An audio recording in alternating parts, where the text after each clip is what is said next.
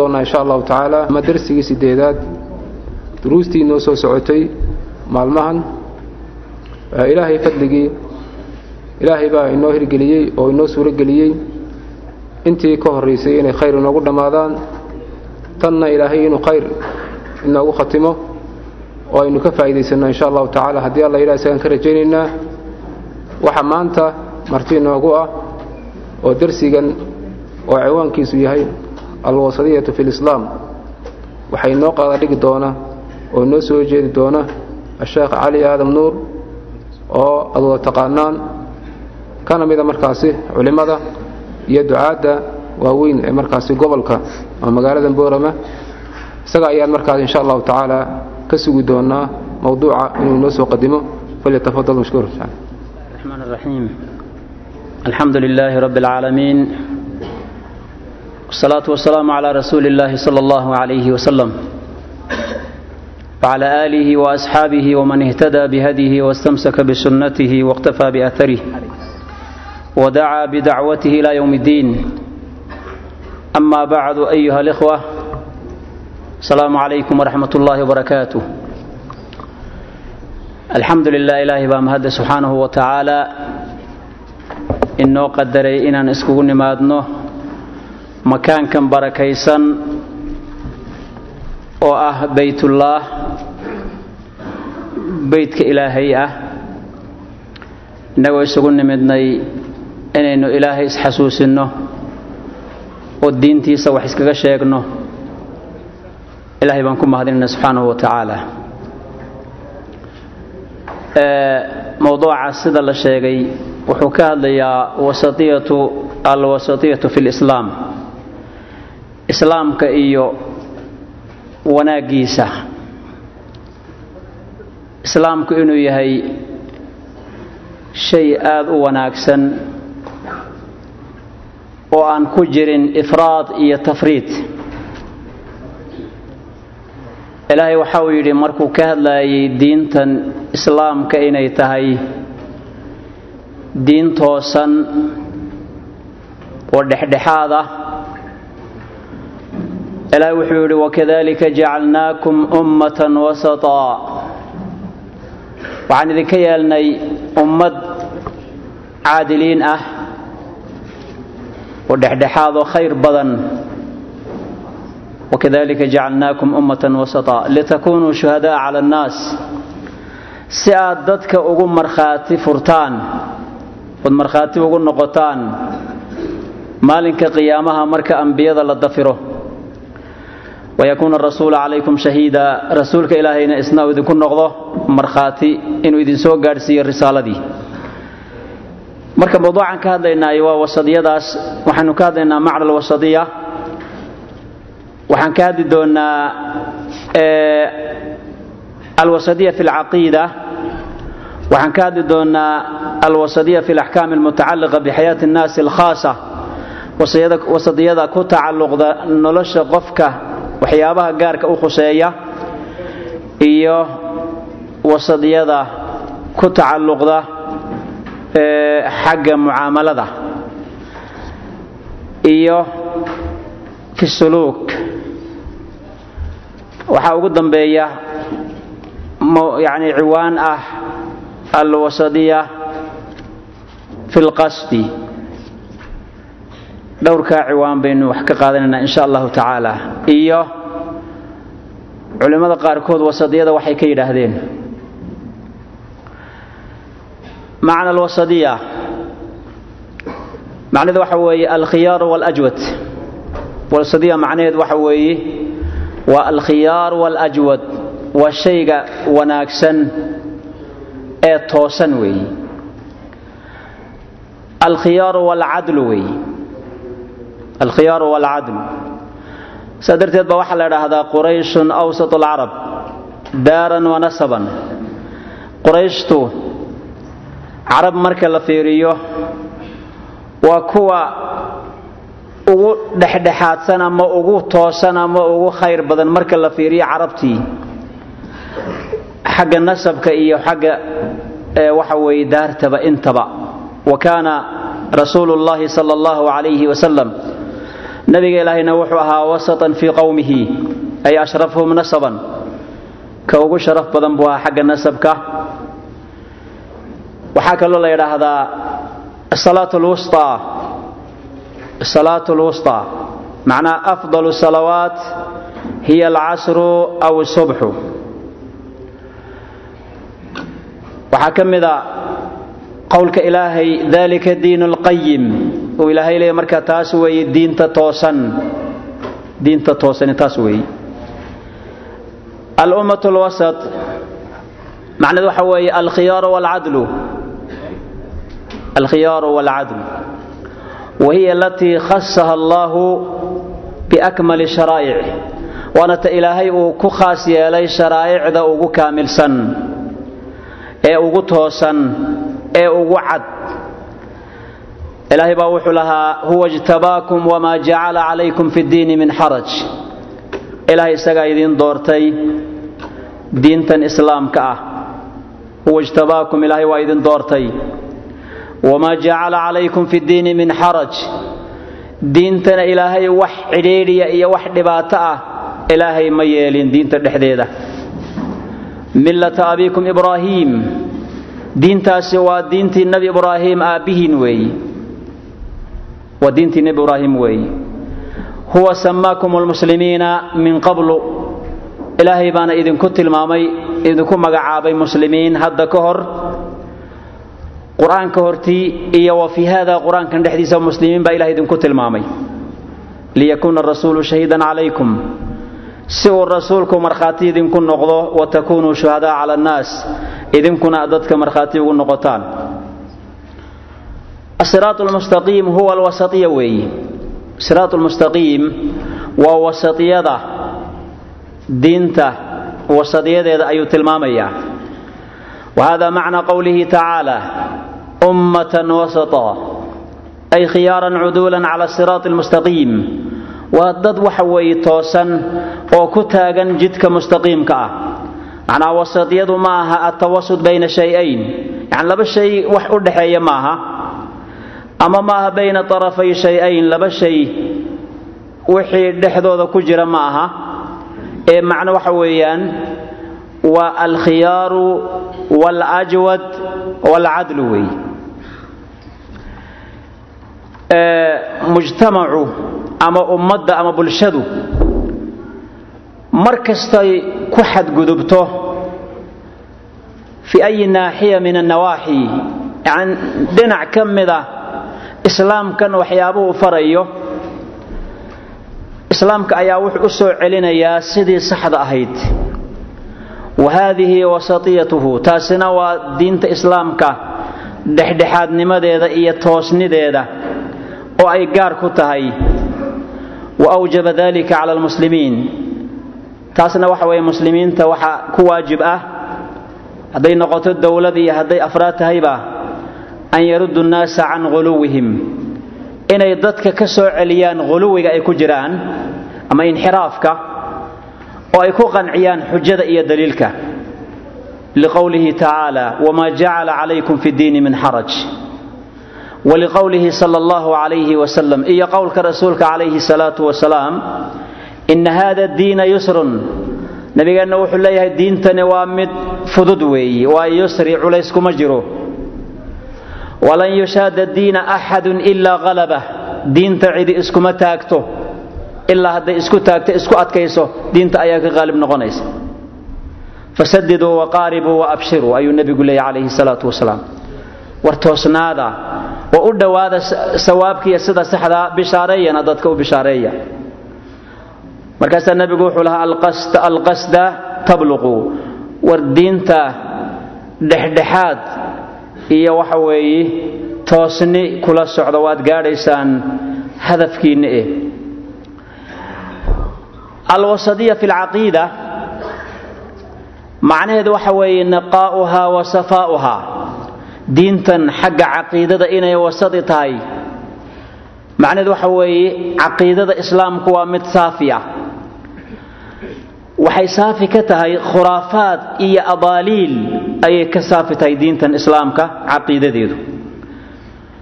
Waxay ka fog tahay kuwa munxarifiinta ah iyo zaa'iqiinta ayay ka fog tahay iyo dawi lahwaa'i wa shahawaat wax alla wixii shahawaad iyo bidac wata ayay diintu ka fog tahay iyo shirki. Yani caqiidada islaamku waxaasoo dhan way ka fog tahay. Wa iimaanun billaahi alwaaxid caqiidada islaamka ee wasadiyadu waxa weeye iimaanun billaahi alwaaxid. In la rumeeyo ilaahay keliya.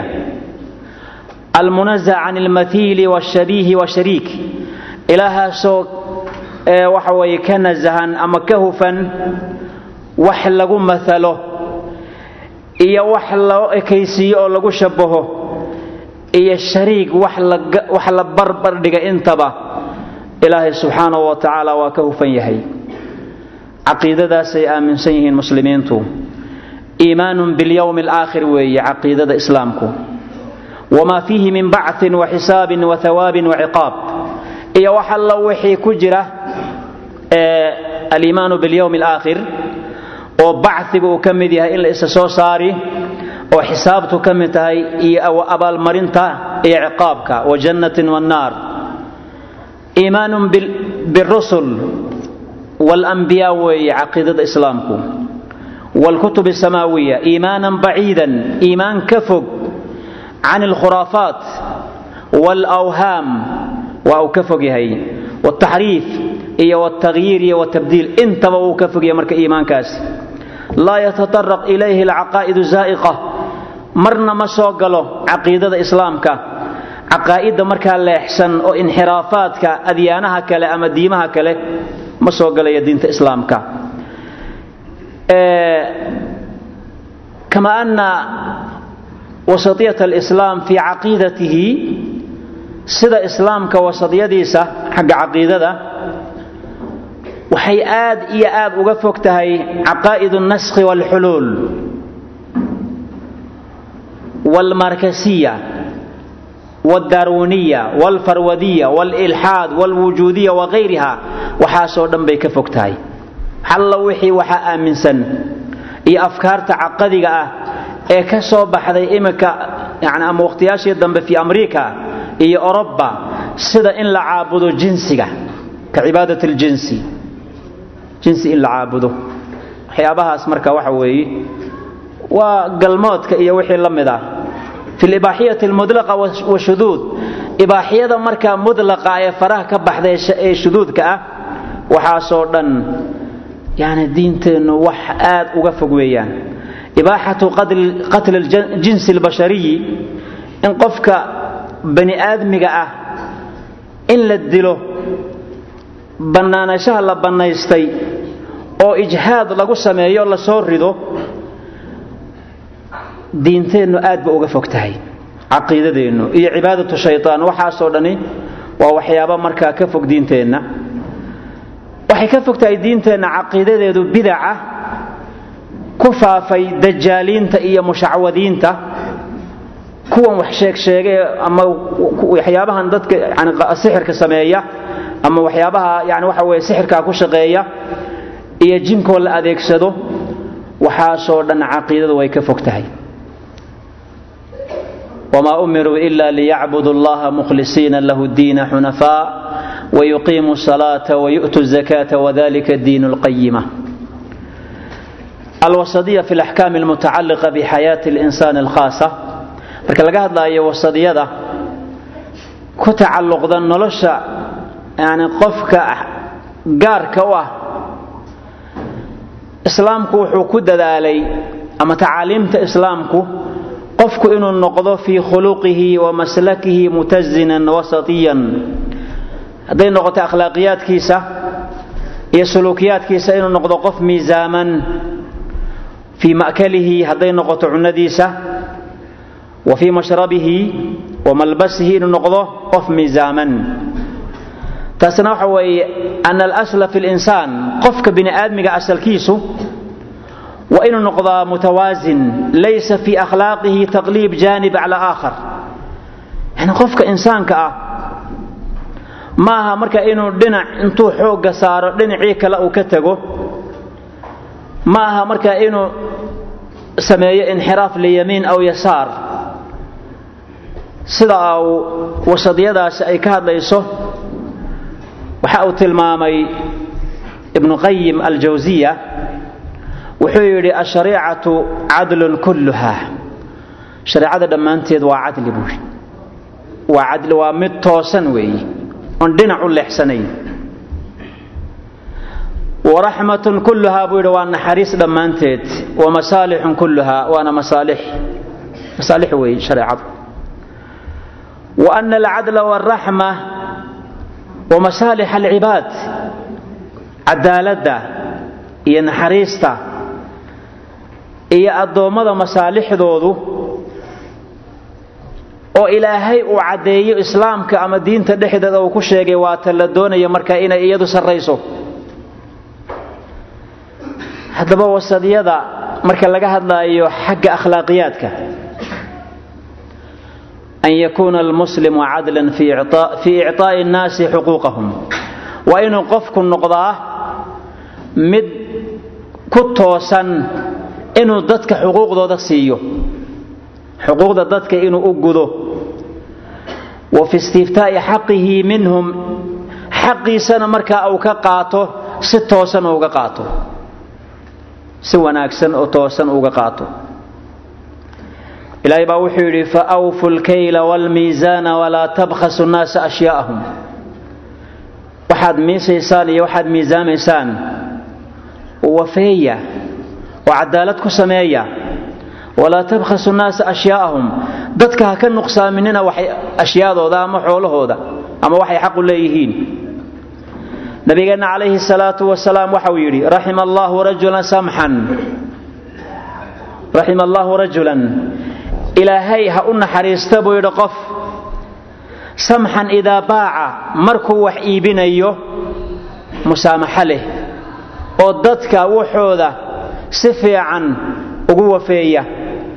Xataa waxa weeye xaqu leeyahay ka tega allah naxariista buu yidhi nebigu calayhi salaatu wasalaam. Samxan idaa baaca wa ida ishtaraa markuu wax iibsanayo markuu intaba waa waa nin musaamaxala weeye wax iska saamixi kara wax iska dhaafi kara. Iyo waida iqtadaa markuu dadka oo wax ka doonayo isagu intaba. Waa nin waxa weeye wixiisu ay tahay wax toosan oo wanaagsan oon leexleexad lahayn oo musaamaxo leh. Nabiga u duceeyey calayhi salaatu wasalaam. Waxaa ka mida waxyaabaha wasadiyada qofka ku saabsan dhaqankiisa anlaa yaxmilahu buqdu qowmin cala alisraafi fi lcadaawa hadduu cid aw necab yahay ama ay cid col yihiin inaanay taasi ku keenin inuu cadaawadda ku fogaado. Ama qoom jacaylkii uu jecel yahay inayna ku keenin inuu maxabbada ku fogaado. Ilaahay baa wuxuu yidhi walaa yajrimannakum shana'aanu qowmin calaa an laa tacdiluu yaana idinku xambaarin qoom nacaybshahood calaa an laa tacdiluu inaydaan cadaalad samayn icdiluu. Cadaalad sameeya. Huwa aqrabu litaqwa inaad cadaalad samaysaan baa ugu dhow alla ka cabsiga. Nabiga calayhi salaatu wasalaam waxauu yidhi axbib xabiibaka hawnan maa. Qofka aad jeclaanayso jeclow buu yidhi hawnan maa. Si caadiya oo aan xadgudub ku jirin u jeclow si yani dhexdhexaada u jeclow qofka. Casaa an yakuuna baqiidaka yowman maa waxaa laga yaaba maalin inuu kaa cadhaysiyo ood qaadan kari weydo. Ninkii aad sidaa u jeclayd hadduu maalin kaa cadhaysiiya inaad qaadan kari weydaa dhici karta. Marka hawnan maa jeclow qofka haddaad jeclaanayso? Ha ku fogaanin. Wa abqid baqiidaka hawnan maa cidda aad nacaysana si dhexdhexaad oon israaf lahayn ka dhig buu yidhi markaa nacaybshaha casaa an yakuuna xabiibaka yowman maa waxaa laga yaaba maalin inuu ku jeclaado ood la yaabto ninkaad sidaa u necbayd jacaylka uu ku jecel yahay waxaa islaamku ina farayaa in qofku uu dadka faro sabirka inuu faro isaguna uu aqbalo tasaburka waxa la dhaahdo ou xaqa laasimo oo uu dadka ugu yeedho waxyaabaha oo xaqa iyo toosnaanta iyo cadliga oo laab ballaadhan uu ku aqbalo wixii islaamku uu faraya wanaagsan marka loo sheego. Inuu u naxariista cidda cidda kale waxa weye hayrkiya inuu naxariista isaguna aqbalo. Ilaahay baa wuxuu yidhi uma kana min aladiina aamanuu watawaasaw bisabri watawaasaw bilmarxama. Marka waa inuu noqdaa dadka mu'miniinta ee sabirka isfaraya naxariista inuu ka mid noqdo weeye alwasatiya waxaa ka mida markaynu ka hadlayno waxyaabaha qofka khaaska u khuseeya sida gaarka ah an yu'thira alinsaanu alaakhariina calaa nafsihi. Qofku inuu dadka kale iihaar u sameeyo iihaar inuu sameeyo. Haddii maanta shay la qaybsanayo inuu dadka isaga ka liita u daayo haddii maanta waxay soo dhex dhacaan dadka inu dha markaa hebel sii walow kaana bihi khasaasa xataa baahibaha ha u baahnaadaba xataa shayga. Iihaar inuu sameeyo wey. Waa waxyaabaha qofka laga raba muslimka ah. Waan laa yakuuna fii nafsihi shuxun walaa bukhlun. Naftiisa inayna ku jirin bakhayltinimo iyo waxa shaxixnimada leedhaa ilaahay baa wuxuu yidhi wayu'iruuna calaa anfusihim walow kaana bihim khasaasa. Markii laga hadlayay sifaadka dadka mu'miniinta ah asxaabu rasuuli illaah markii ilaahay tilmaamayay muxuu yidhi wayu'iruuna calaa anfusihim naftooday iithaaru samaynayaan uga samaynayaan dadka kale u hurayaan. Waxay u baahnaayeen bay qofka kale siinayaana walaalkooda. Walow kaana bihim khasaasa. Baahiba ha u qabaan shaygaasi waman yuuqa shuxa nafsihi faulaa'ika hum lmuflixuun qofka laga ilaaliya naftiisa bakhayltinimadeedana ilahay wuxuu ihi kuwaasi waa liibaaneen alwasadiya waxaa ka mid ah oo ku saabsan qofka waxyaabaha laga rabo an yucaamila alinsaanu waalidayhi bilixsaan inuu qofku labadiisa waalid ixsaan uu kula mucaamaloodo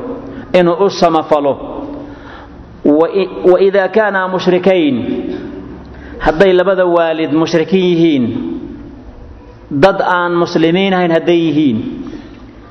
Wa araada an yaxmilahu cala shirki macahuma oy doonayaan marka inay gaalnimadan ay ku jiraan isagana ay soo geliyaan.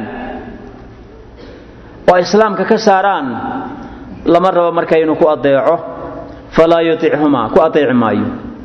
Walaakinahu fii nafsi lwaqti laakiin isla waqtigaa haddana iyagoo gaalo ah yaxris calaa musaaxabatihima bilmacruuf. Wuxuu ku dadaali inuu si fiican ula dhaqmo iyagoo xataa gaalo ah ilaahay baa wuxuu leeyahay wain jaahadaaka cala an tushrika bi maa laysa laka bihi cilmun falaa tudichuma labada waalid hadday kugula dadaalaan ama isku dayaan inay ku gaaleeyaan ood ii shariig yeeshood gaal noqoto oo waxaanad cilmi u lahayn aad ku dhacdo oo shirki iyo gaalnimo ah falaa tudichumaa ha ku adeecin ha ka yeelin marka labada waalid. Laakiin wasaaxibhumaa fi dunya macruufan. Adduunyada intaad joogto wanaag kula dhaqan. Labadaada waalid xataa hadday yihiin kuwa mushrikiina adduunyada intaad joogto wanaag kula dhaqan. Laakiin kama yeelaysid diinta ka teg iyo cibaadada daa ka yeeli maysid. Wasadiyada waxaa ka mid ah xagga uun akhlaaqiyaadka an yaquda rajulu basarahu wataquda almar'atu basaraha inuu qofku indhihiisa laabo indhihiisa inuu laabo uu ka ilaaliyo cawraadka iyo waxyaabaha muxaramaadka ah gabadhuna sidoo kale indhaheeda inay laabato wa an yacifa fi lxaraam inay iska ilaaliyaan wixii xaaraama ay ka dhowrsadaan wa an laa yatashabbaha arajulu bilmar'ati walaa tatashabbaha almar'atu birijaal waa inaan ninku una haweenka isku ekaysiinin haweenayda gabadhuna ayna nin isku ekaysiinin. Maaha inay gabadhu labiskii ninka qaadato ninkuna labiskii dumarka u qaato ama kabihii dumarka la qaato iyo muxuuha maarta ama dumarkuba ay qaataan dee labiska iminka kabihii waa la wada gashadaaye. Hada mushkila noqotay marka kabihii rag iyo dumarba way wada gashadeen. Laakiin waxa weeyaan dumarku waxay iska leeyihiin labis gaara ragguna labis gaara laakiin haddii gabadha markaa surwaalka qaado sidii inanka oo sida xal la sheegaya markaa shaqo tago boorsadaada qaado oo adigu isbeeli aadaa mushkila yani islaamku waxaasoo dhan ma qabo waxaas islaamku. Waa inuu laasimaa qof kastoo ka mida rag iyo dumarka biabiicati alatii khalaqahu allahu calayha dabeecadii ilaahay ku abuuray sidii ilaahay u abuuray qofku waa inuu u wailaa hadduu u socon waayo. Qofku sidii ilaahay u abuuray hadduu u socon waayo. Inqalabat albashariyatu ila inxiraafi alinsaaniya can masiirati alkhayira insaaniyadii marka waxay ka tegi sidii alla ugu talagalay baniaadamnimadii maxay noqonaysaa xayawaan bay noqon. Waxaa ku dhici doona wax aan aslaaftii hore ku dhacayn dadkaas. Hadday qofku uu fidradiisa markaa uu waxa weye leexiyo ama sida ilaah abuuray iyo habkuu ugu talagalay inuu u noolaado hadduu leexiyo wax kalaa dhacaya. Waxaa ku dhacaya waxa imanaya wax dadkii hore ee waalidadeennii hore aan ku dhici jirin baa iman. Sida ku dhacdayba lodii muxuu ahaa maaragtay ingiriiska ee waalatay. Junuunulbaqar loo bixiyey maxaa ku dhacay? Dabeecadeedii caadigii baa laga leexiyo markaasaa la siiyey cuntadii dadka biniaadmiga. Maxay noqotay marka junuunulbaqar waxa la idhaabay marka in xooli lodii marka ay waalato markaa la wada gowraco khalaas waayo dabeecadii ilahay ku abuuray laga bedelay. Hadduu qofku dabeecadii alla ku abuuray iska bedelo wax xayawaan kaleu noqon marka ama wax kale oo maarata waxaan la maarata waxa weye loo adkaysan karayn buu noqonaya hadhow oo sidaa marka xoolaha la yskaga fogeeyo. Kolkii dee laga dhigay muxuuha bani aadmi ayaa maxay noqotay dabeecadii markay la bedelay markaa wax kaluu noqday marka. Waalli baa ku timid. Ilaa waa la bedelayba marka sidii la ugu talagalay. Ilaahay subxaanahu wa tacaala wuxuu caddeeyey axkaamta oo munaasib ku ah yani cid kasta. Ilaahay subxaanahu wa tacaala uu caddeeyey. Wax kastuu abuuray wixii ku munaasiba markii ilahay uu ragga ka hadlaayey xagga cifada ilahay wuxuu yidhi qul lilmu'miniina yaquduu min absaarihim wayaxfaduu furuujahum dalika askaa lahum ina allaha khabiirun bima yasnacuun. Waxaad u tidhaahdaa dadka mu'miniinta ah yaquduu min absaarihim. Yani indhihiinna laaba dheh ha laabaan indhahoodii indhihiinna laaba ku dheh. Oo ka ilaaliya markaa xaaraamta. Wayaxfaduu furuujahum furuujtoodana ha ilaaliyaan ha ilaaliyaan markaa farjigooda iyo ibtoodana ha ilaashadaan. Dalika askaa lahum taasaa u nadiifsan oo u wanaagsan. Inuu qofku ilaaliyo indhihiisa iyo ibtiisa inuu ilaashado saasa u fiican. Markaasa ilah wuxuu yidhi ina allaha khabiirun bima yasnacuun. Ilahay waa ogya waxaad samaynaysaan. Haddaad ilaalin weydaan ilahay waa inala socdaa qofkii ilaalin waaya sida ilaahay uu ka doonayo u faray ilahay waa ka warhayaa. Ilaahay markuu kaa warhayana isagaa markaa ku abaal marin doona wey macnuhu. Wqul lilmu'minaati yaqdudna min absaarihina wayaxfadna furuujahunna.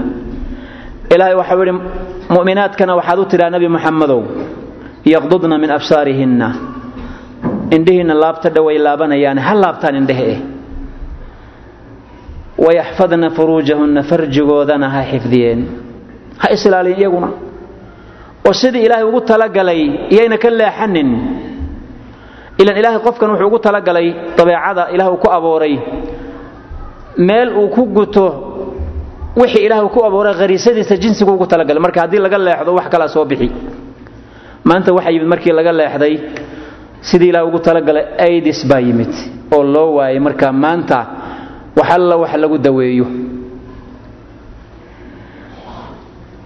Nabigeenna calayhi salaatu wasalaam wuxuu yidhi lacana allahu almutashabbihaati min annisaa'i birijaal. Ilaahay ha nacdala buu yidhi kuwa haweenka ah ee ragga isku shabbahaya. Waalmutashabbihiina min alrijaali biاnnisaa iyo kuwa ragga ah ee dumarka isku ekaysiinaya. Allah nacdala buu yidhi nebigu calayhi salaatu wasalaam xadiis kale wuxuu ku yidhi lacana allahu lmukhanisiina min alrijaali wlmutarajilaati min annisa ilaahay ha nacdala buu yidhi kuwa dumarka iska dhiga ee ragga ah iyo haweenka ragga iska dhiga sida ragoo kale iska dhiga. Allah nacdala buu yidhi nabigu calayhi salaatu wasalaam. Marka qofku inuu ilaaliyo weeye marka fidrada ilaahay ku abuuray sidaasaana wanaagsan oo qurux badan. Waad maqasheen markaa dad uun laga dhiga dumar rag dumar laga dhigo waad maqasheen caalamka iyo dumar rag laga dhigo. Hadda taasi waxa weeye waxaan u foolxumadeeda marka inay og yihiin dadka waxaa ku dhaqmaay. Alwasadiya fii khuluqi linsaan waxaa ka mid ah an yactadila fii mishyatihi qofku inuu uu marka waxa weeye socodkiisa uu noqdo socod caadiya oo toosan inuu noqdo an yactadila fii mishyatihi falaa yatakabar walaa yadil inuuna kibir u soconin iyo isqaadqaad si dullinnimo oo liidatana una u socon ictidaal si dhexdhexaada inuu qofku u socdo oo toosan wa an yaquda sawtahu sawtkiisana inuu hoos u dhigo falaa yartafic min hayri xaaja inuuna qaylqaylin ama sawtkiisa kor u qaadin haddaan loo baahnayn iyadoo maaha qofka akhlaaqiyaadkiisa ka mid ah inuu qaylqayliyo maaha. Ilaahay baa wuxuu yidhi waqsid fii mashyika waqdud min sawtika. Socodkaaga dhexdhexaad u soco. Waqdud min sawtika sawtkaagana hoos u dhig. Ina ankara alaswaati la sawtu lxamiir sawt ama dhawaaq waxa loogu necab yahay dameerka sawtkiisa dameer hadduu ciyo dhagahun baad isqaban soo maaha. Waa waxa loogu necab yahay wey ina ankara alaswaati la sawtu lximaar marka qofku inuu sida ximaarka ama dameerka au qayliyo maaha. Wasadiyada waxaa ka mid ah qofku inuuna sawdkiisa una kor u qaadin una xumaan la jahrin. Xumaan iyo foolxumo inuuna la jahrin. Una dadka maqashiinin wax foolxun. Ilaa inuu dee cid dulmiday ka ashkatoonaya mooyaane. Haddii uun qofku xadgudub lagu sameeyo waa ashkatoonaya uu qayli laakiin haddaan qofka wax dhibi haysan inuu inuu muxuuha maaragtay hadallo xun ku hadlo islaamku wuxuu ogol yahay maaha. Laakiin haddii uun la dulmiyo dee wuxuu le dulmigiisa markaa inuu sheegto ciddii wax uga qabanaysa. Laa yuxibu allahu ljahra bisuu'i min alqawli ila man dulim ilaahay ma jeclo marka hadal xun in kor loo qaadqaado oo lagu hadlo hadallada xun. Ilaa qof la dulmiyey mooyaane dee cabasho gudbinaya mooyaane. Wa kaana allahu samiican caliima ilahay waa la socdaa subxaanahu wa tacaala qofka la dulmiye madluumka. Waxyaabaha wasadiyada ugu sarreeya waxaa ka mid ah xagga akhlaaqiyaadka marka laga hadlayo atanaasuru bayna almu'miniin. Dadka mu'miniintii marka inay isku heliyaan oo isgarab joogsadaan ay iskaalmeeyaan oy wax istaraan ilaahay baa wuxuu yidhi ina aladiina aamanuu wahaajaruu wajahaduu biamwaalihim waanfusihim fii sabiili illah والذين آووا ونصروا أولئك بعضهم أولياء بعض والذين آمنوا ولم يهاجروا ما لكم من ولايتهم من شيء حتى يهاجروا وإن استنصروكم في الدين فعليكم النصر إلا على قوم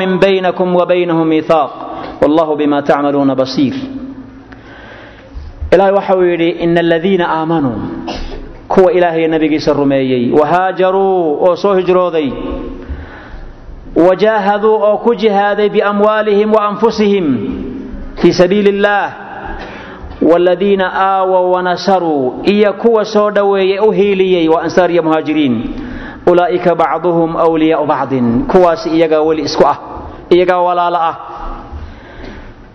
wladiina aamanuu walam yuhaajiruu laakiin kuwa muminiintaen soo hijroonin maa lakum min walaayatihi min shayin waxba walaayadooda iyo xidhiidhintooda waxba idinkagama xidhnaa la yidhi xataa yuhaajiruu ilaa ay hijroonayaan waajib bay ahayd markaa hijradu waqtigaas wain istansaruukum fi diin laakiin hadday diinta ay idinka dalbaan inaad ugu gargaartaan oo dulmiga aad ka saartaan fa calaykum annasru inaad u gargaartaan weeye ilaa calaa qowmin baynakum wa baynahum miithaaq ilaa inay yihiin dee kuwa nooga ay leeyihiin qolo markaa cahdi iyo miithaaq idinka dhexeey wallahu bima tacmaluuna basiir waxaa ka mid a waxyaabaha wasadiyada islaamka ee la rabo marka qofku inuu ilaaliyo ishaacat lfaaxisha in laga hortago in faaxisho la faafiyo in la manciyo. Hadallada xunxun in la ilaaliyo oo laga hortago iyo ishaacaadka ujeeddada leh ee la rabo marka dadka in balbalo lagu kiciyo iyo kiibada ama xanta namiimada fasaadka dadka dhexdiisa lagu samaynayo dheeldheelka lagu dheeldheelayo dadka kale maakhadaynta iyo wararka la kala qaado in la dhagaysto waxyaabahaas waxaasoo dhan islaamku waa manciyey. Ilaahay subxaana wa tacaala wuxuu yidhi ina aladiina yarmuuna almuxsanaati alghaafilaati almu'minaat. Kuwa ku ganaya haweenka muxsanaadka ah ee dhowrsoon ee khaafilaadka ah ee xumaantaba ka warla almu'minaati ee mu'minaadka ah kuwa xumaan ku sheegaya lucinuu fi dunya waalaakhira ilahay wuxuu yidhi adduun iyo aakhiraba waa la nacdalay kuwaas lucinuu fi dunya waalaakhira walahum cadaabun cadiim cadaab weynna way leeyihiin aakhiro waa foolxumada in dadka dhexdiisa lagaga sheekeeyo ama dad la ceebeeyo in aladiina yuxibuuna an tashiica alfaaxishatu fi aladiina aamanuu kuwa jecel inay xumaantu ku faafto xumaanta iyo fadeexadda iyo foolxumadu dadka mu'miniintaa inay foolxumadu ku dhex faafto dadka doonaya lahum cadaabun aliimun fi dunya waalaakhira ilahi wuxuu ihi cadaab kulli adduuniya aakhiraba aayad kale ilah wuxuu ku yidhi walaa yaktab bacdukum bacda barhba barhkiina kale yuuna xamanin. Xantu waa mamnuuc weeyi waylun likulli humazatin lumaza. Ilah wuxuu ihi waxaa hoogay oo waadi naar a leh qofka dadka ceebeeya ee qofka muxuuha cirdigiisa wax ka sheega. Kuwaas way hoogeen. Ilahay wuxuu yidhi aayad kale laa yaskhar qowmun min qowmin casaa an yakunuu khayra minhum war yaanu qoom kale ku dheeldheelin. Waxaa laga yaabaa kuwaas aad adigu ku dheeldheelayso eed yaraysanayso eed wax ka sheegaysa inay kaa khayr badan yihiin. Ayaa laga yaabaa. Walaa nisaaءun min nisaa'in casaa an yakunna khayra minhunna. Haweenna haween kale yayna ku dheeldheelin oyna yaraysan. Waxaa laga yaabaa inay ka khayr badan yihiin aayad kale ilah wuxuu ku uhi yaa ayuha aladiina aamanuu in jaa'akum faasiqun binaba'in fatabayanuu oo dadka mu'miniintaoo haddii uu idiin yimaado faasiq oo war u keeno qof faasiq ah iska hubsada. Waxaa la yidhi hadduu ku yidhaa iyo waxaasaa la sameeyey iyo waxaasuu hebel sameeyey iska hubso. An tusiibuu qowman bijahaalah maxaad u hubsanaysaan dee si aydaan qoom idinkoo aan ka warhaynin aad wax u yeeshaan ka cabsigeed inaad qoom meel kaga dhacdaan amaad dhibaataysaan ka cabsigeed iska hubsada warka. Dabeetana fa tusbixuu calaa maa facaltum naadimiin oo ka murugootaan wixii aad samayseen. Wasadiyadaasi waxaa kaloo ay maarata ay soo gelaysaa ee laga rabo qofka muslimka ah في المأكل والمشرب والملبس وغيرها في عدم الإسراف في الإنفاق والمال أو الشح فيه waxyaabaha aad uga soo muuqanaysa ayay ka mid tahay cunnada ama waxyaabaha qofku uu cunayo iyo waxyaabaha qofku uu xidhanayo waxyaabaha uu cabayo inuu ka ilaaliyo israaf maanta waad aragteen yani sida loo israafo qofkii wax yar haystaay yani cuntada sida loo israafo haddii maanta casuumad la sameeyo waad aragteen wax yar baa laga taataabno waan la iska daadinayaa baynamaa masaakiintii gidaarada ay wada jiifaan. Wadamada qaarkood baa haddii daboolkaba laga qaada la iska daadinaya qashinka lagu daraya. Marka waxyaabahaas waa waxyaabaha ugu muhiimsan in la ilaaliyo cunnada qofkuu cunaya israaf inuu ka ilaaliyo. Uuna qofku ku daadin cunnada uu cunayo dhulka uu ka ilaaliyo uuna weelka kaga tegin cuntada uu cunayo. Dawaad arkaysaa qof baa waxa weeye meel hoteel buu soo fadhiisanaya cuntaa la siinayaa. Intaa uu cunaya intuu daadinaya waa isleegyihiin iyo intuu ka tegayaay intaasoo shayna uu dalbaday. Masaakiintiina agtiisay markaa wada joogaan. Marka waxyaabo khatara weeye in la iska ilaaliyo waa waxyaabo qofku uu dembi ku galaya weeyaan ilahay wuxuu yidhi wladiina idaa anfaquu lam yusrifuu walam yaqturuu wakana bayna dalika qawa markii laga hadlayey addoommaha wanaagsana ilaahay uu ku tilmaamay cibaad uraxmaan ayaa ilahay wuxuu uhi waladiina idaa anfaquu lam yusrifuu. Waa kuwa marka ay wax bixinayaan israafku ma bixiyaan. Ma israafaan hadduu shay bixinaayo oo ma daadaadiyo wuxuu bixinayo? Oo meel aan ku habboonayn kuma bixiyo? Walam yaqturuu taqtiirna kuma sameeyaanoo dee ma gacan adkaadaan. Oo gacantigoodii maaha qofka maaragtay mu'minkiihi. Qof wixiisa daadaadiyana ma aha wa kaana bayna dalika qawaaman. Waa kuwii u dhaxeeya markaa israaf iyo iyo waxa weeye ee inuu qofku dee gacantiisa uu maaragtay u noqdo mid gacantiisu xidhan tahay. Bal yakuunu amruhu wasatan bitamatuc bima abaaxahu llahu waa qof markaa amarkiisu uu yahay dhexdhexaad. Sida ugu raaxaysanaya waxyaabaha ilaah u xalaaleeyey oo ilaahay u lahaa qul man xarama ziinat allahi alatii akhraja licibaadihi waayibaati min alrisqi yaa ka xarimaya ilaahay addoomihiisa waxa uu siiya wanaagsane xalaasha ah. Qul hiya liladiina aamanuu fi lxayaati اdunya khaalisatan ywma alqiyaama. Muminiintana iskale adduunyada. Adduunyada muminiintu way leeyihiin waxyaabaha xalaasha inay ku tamatucaan ay ku raaxaystaan fii xuduudi sharci. Qiyaamahan ayagaaba iskale markaa nicmada raaxadeeda. Kadalika nufasilu laayaati liqowmin yaclamuun. Aayadka ilah wuxuu ku lahaa waaati da lqurba xaqahu wlmiskiina wabna sabiili walaa tubadir tabdiira. War dadka qaraabada ah ilahi wuxu uhi wax siiya waaati da lqurba xaqah qaraabada xaqooda siiya.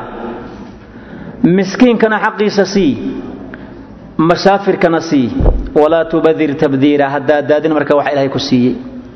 Haddaadaadin ha ku ciyaarin. Waxaan ku habboonan ha ku isticmaalin. Ina almubadiriina kaanuu ikhwaana shayaaiin mubadiriinta kuwa waxdaadaya shaydaankay walaala la yihiin. Wa kaana shaydaanu lirabbihi kafuura shaydaankuna rabbi waa ka kufri. Walaa tajcal yadaka maqluulatan ilaa cunuqika walaa tabsudha kula albasti. Gacantaada ha ka dhigin mid xidhan oo qoortaada ku xidhan. Macnaa bakhayl ha noqonin. Walaa tabsudha kula albasti. Kumubadilana ha noqonoo wada daadiyo wixii ilaahay siiyey. Fataqcuda maluuman maxsuura. Dabeedna marka soo fadhiisato adigoon waxba haynoo markaa lacanaantay oo xoolihiisii marka waxa weeye wada yani waxa weeye ku ciyaaray. Dabeetana markaa lacanaantay ciid la fadhiya. Waxaa ka mid a waxyaabahaas anlaa yusrif fi lakli washurbi waanlaa yaqtar calaa nafsihi fiihima inuu naftiisana kaga bakaylin una ku israafin wakuluu washrabuu walaa tusrifuu ila wuxuu le markaa cuna wixii alla idin siiyey oo iska caba wixii xalaala laakiin ha israafina nabiga calayhi salaatu wasalaam wuxuu yihi wakuluu washrabuu watasadaquu ilaahay wuxuu idin siiyaa cuna oo caboo sadaqaysta walbasuu min hayri israafin walaa makhiila iskana xidha wixii ilahay idin siiyey laakiin xaraga iska ilaaliya iyo israaf alwasadiya fi lmaslak yani qofka insaanka ama bani aadmiga ah waxaa la rabaa inuu isku qiyaaso mataalibta aw isagu doonayo oo shahawaadka fii xayaati dunya waxyaabaha uu doonayo inuu ku raaxaysto iyo mataalibta kale ee ruuxiga ah oo uu doonayo markaa masiid min azuhdi inuu galo inuu isku miisaamo. Xaggii xalaashii inuu wax ka qaato ku raaxaysto xaggii ruuxaaniyadii iyo zuhdigiina inuu wax ka helo. Marka inuu labadaana isku miisaamo. Marka haddii uu qofku ku fogaado mataalibta markaa shahawaadka adduunyada waxay keenaysaa inuu ka fogaado awaamirtii ilaahay oo uu ka fogaado qasdigii iyo dhexdhexaadkii iyo ictidaalkii talabaadee zuhdiga hadduu ka fogaadona waxay keeni taqashuf ayay keenaysaa inuu qofkii waxa weye jidhkiisii waxa weeye u qallalo oo dabeedna markaa rahbaaniya ku dhaco. Islaamkuna laa yuqiru bixaalin alindifaac fi listimtaaci bilmaladaat marna ma sugayo qofku inuu waxyaabaha xalaasha ah uu ku fogaado raaxaysigooda walow kaanat mubaaxa ilaa uu ka gaadho darajada markaa israafka mana sugayo islaamku inuu qofku ilaa xad u gaadho inuu noloshii oo dhan ka fadhiisto inuu taqashuf galo. Wakilaahumaa labadaasiba waa tarafka iyo rahbaaniyadu mid walba waxay keenayaan ummaddan inay dayacanto oo wadiifatu linsaan fii cimaarati hadihi alardi ay meesha ka baxdo. Insaanka marka ilah ugu talagala arlada inuu camiro inay meeshii ka baxdo ilahay wuxuu ihi waida aradna an nuhlika qaryatan amarna mutra fafasaquu fiiha faxaqa calayha alqawlu fadamarnaha tadmiira. Ilah wuxuu ihi haddaan doonno ummad inaan halaagno kuwa ilaahay wax siiyey ee u nicmeeyey unbaa faasiqoobo taraf bay ku fogaadaan. Markaasaa ilahay qowlka ilahay ku xaqiiqooba fadamarnaha tadmiira marka halaag bay leedahay marka in lagu fogaado tarafka adduunyada nabigeenna calayhi salaatu wasalaam wuxuu yidhi sayakuunu rijaalun min ummatii waxaa iman doona buu hi ahaan doona rag yani waxa weeye ummadayda ka mid ah. Ya'kuluuna alwaana tacaam oo cuni doona cuntada noocyaasheedoo dhan bay cunayaan buui oo isa soo hordhigayaan wayashrabuuna alwaana sharaab sharaabka noocyaashiisoo dhanna way ishordhigayaan buui way cabbayaan. Wayalbasuuna alwaana hiyaab waxayna xidhanayaan dharka noocyaashiisana way buuxsanayaan buuo shamdadahay ka buuxinayaan kabadhada. Wayatashadaquuna fi lkalaam hadalkana way isku adadkaynayaanoo hadal waaweyn bay iska raadinayaan. Fa ulaa'ika shiraaru ummatii kuwaasi ummadayda kuwa ugu shar badan weeyaan buhi nabigu calayhi salaatu wasalaam. Ilaa isagoo ka hadlaaya kuwa iska yani rahbaaniyada iska yeela ee taqashufka iyo muxuahay naftooda cadaabaan ku fogaada warahbaaniyatan ibtadacuuha maa katabnaaha calayhim baa ilahay yidhi. Rahbaaniye aanaan farin bay isku waajibiyeen. Ilahayna marka taa raallika ma aha inuu qofku galo taqashuf uu nolosha waxa weye incizaal ka galo iska xidho uu naftiisa cadaabo lama ogolo inuu ka fogaadan lama ogolo markaa raaxada adduunyada dhexdhexaad baa la doonayaa. Nabigeenna calayhi salaatu wasalaam ayaa wuxuu arkay nin ku fogaaday zuhdiga iyo taqashufka zaahidnimada iyo naftiisa markaa inuu xidho uu adduunyada ka soo xidho ayuu nebigu arkay nin ku fogaaday calayhi salaatu wasalaam. Markaasaa wuxuu ku yidhi ina libadanika calayka xaqan wa ina lizawjika calayka xaqan. Jidhkaagu xaq buu kugu leeyahay buu yidhi zawjadaada ama haweenadaaduna xaq bay kugu leedahay buuhi kadaa sidaas. Nabiga calayhi salaatu wasalaam wuxuu yidhi laa tushadiduu calaa anfusikum war naftiinna ha isku adkaynina yani waxa weeye diinta ha isku adkaynina. Fayushadada calaykum dabeetana la idinku adkeeyo.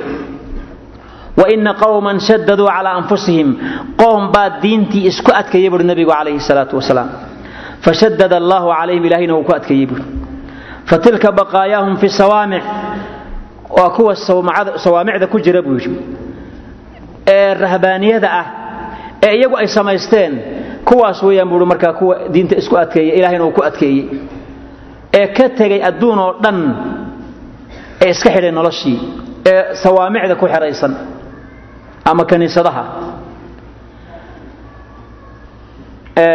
nabiga calayhi salaatu wasalaam wuxuu ina farayaa bilbaa'ah inuu qofku hadduu awood helo uu guursado tabatulkana waa inaga nahye ya'murunaa bilbaa'ati wayanhaa can tabatuli nahyan shadiidan.